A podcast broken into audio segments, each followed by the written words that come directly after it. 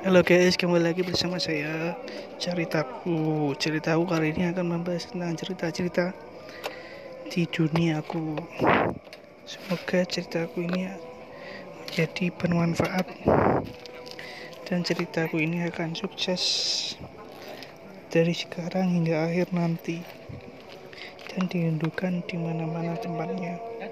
Semoga bermanfaat.